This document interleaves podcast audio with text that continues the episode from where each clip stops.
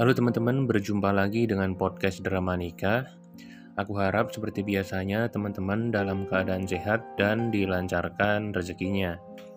Uh, sebelum saya bercerita, jangan lupa teman-teman subscribe YouTube Drama Nikah. Kalian bisa komen-komen juga karena masih sedikit banget subscribernya.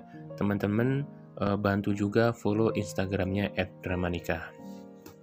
Langsung aja ke cerita hari ini. Uh, seperti biasa, cerita ini dikirimkan oleh seseorang ke DM Instagram @dramanikah.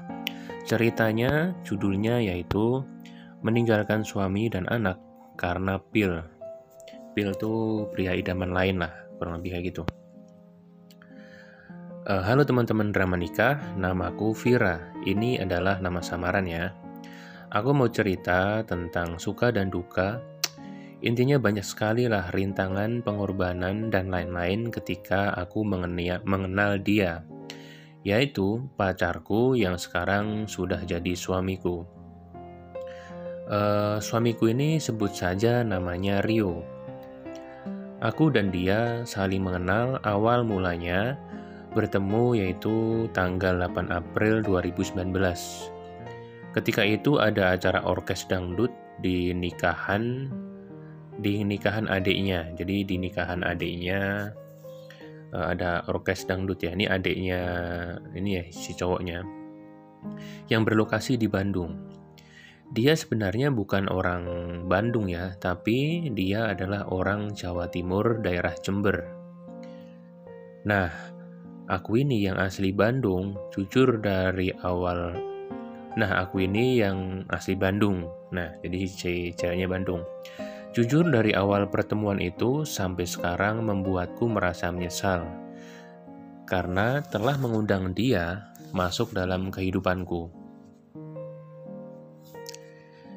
Uh, ini semua memang salahku ya, karena waktu itu uh, ketika aku mengenal dia, aku ini sebenarnya sudah mempunyai suami dan seorang anak perempuan yang berumur lima tahun.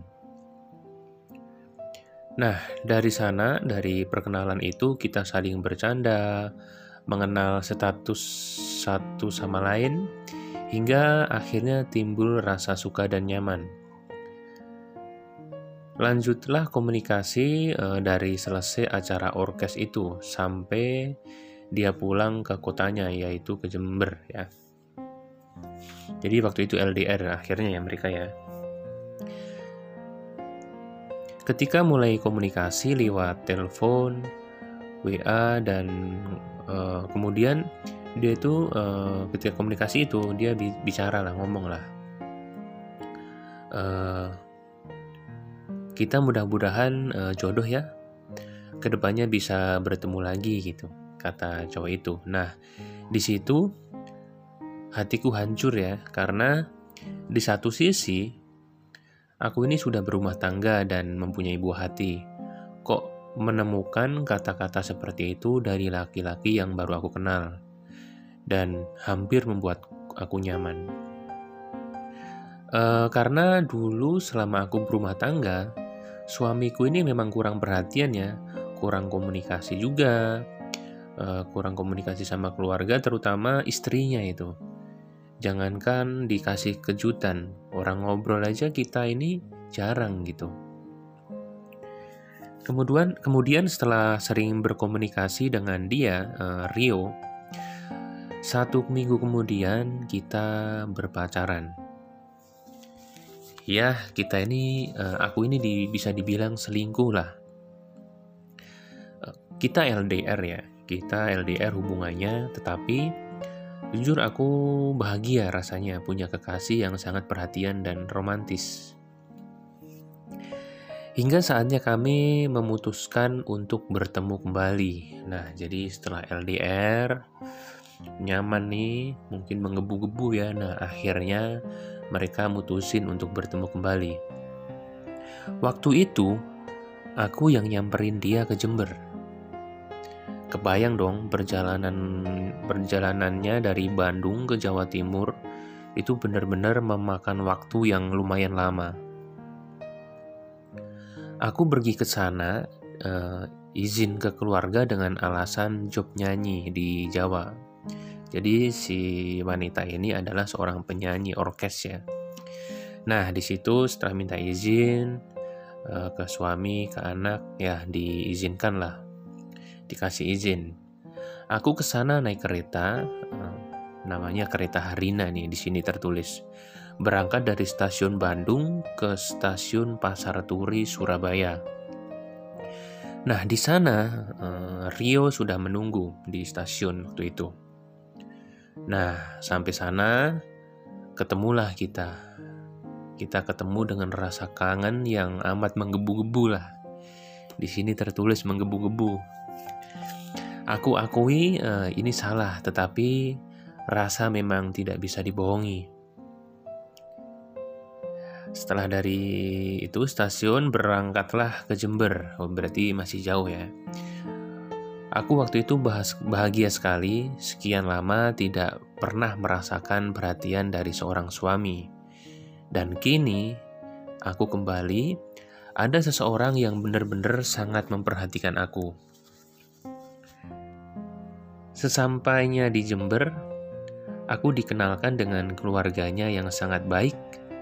Mereka ini uh, sanak keluarganya menerima aku ya dengan baik. Jadi aku benar-benar seneng banget di situ. Di sana, uh, ketika di sana, wah, jadi Ketika di sana nih aku teringat dengan anak-anakku. Dan aku sadar ya Allah, kenapa aku begini? Aku ngomong dalam hati seperti itu. Demi orang ini, aku sampai tiga ninggalin anak dan suami di Bandung dan berbohong sama keluargaku yang lain.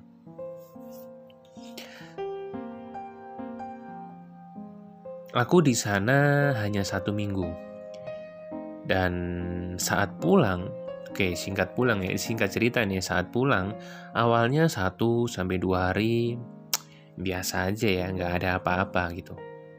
Tetapi pas hari ketiga, tiba-tiba suamiku ini marah. Karena dia melihat ternyata, melihat foto aku bersama pacarku. Nah, di situ dia meminta aku untuk menjelaskan semuanya gitu. Tetapi aku nggak bisa. Kejadian ini terjadi ketika Desember 2020. Nah, dari situ akhirnya rumah tangga kita ini hancur. Dan yang pastinya anakku yang menjadi korban. Setelah itu, lanjut lagi uh, dengan yang ini selingkuhannya, uh, pacarnya ya disebut sini pacarnya ini kemudian uh, dia mengikutiku ya dia akhirnya mencari pekerjaan di Bandung mungkin biar deket ya nah dia dia ini uh, pacarku ini memaksa aku untuk mengenalkan dengan keluargaku gitu biar diakui lah kurang lebih kayak gitu kalau ini cowoknya pengen serius gitu nah dari situ aku bingung aku harus gimana coba dari awal kan aku sudah bohong gitu. Aku bohong ke dia kalau aku ini single, masih gadis gitu. Padahal bukan sebenarnya. Tapi yang namanya jodoh akhirnya setelah semua itu ya, uh, aku dan dia bisa melewati. Akhirnya kami menikah. Menikah di bulan November. Dengan rasa bahagia dan campur rasa berdosa, hmm, dan yang paling sedihnya lagi nih, dia ini sampai sekarang pacarku ini, uh, yang sekarang jadi suami, tidak tahu kalau aku ini punya seorang anak. Jadi aku masih merahasiakan semua ini. Dan biar intinya aku masih gadis gitulah.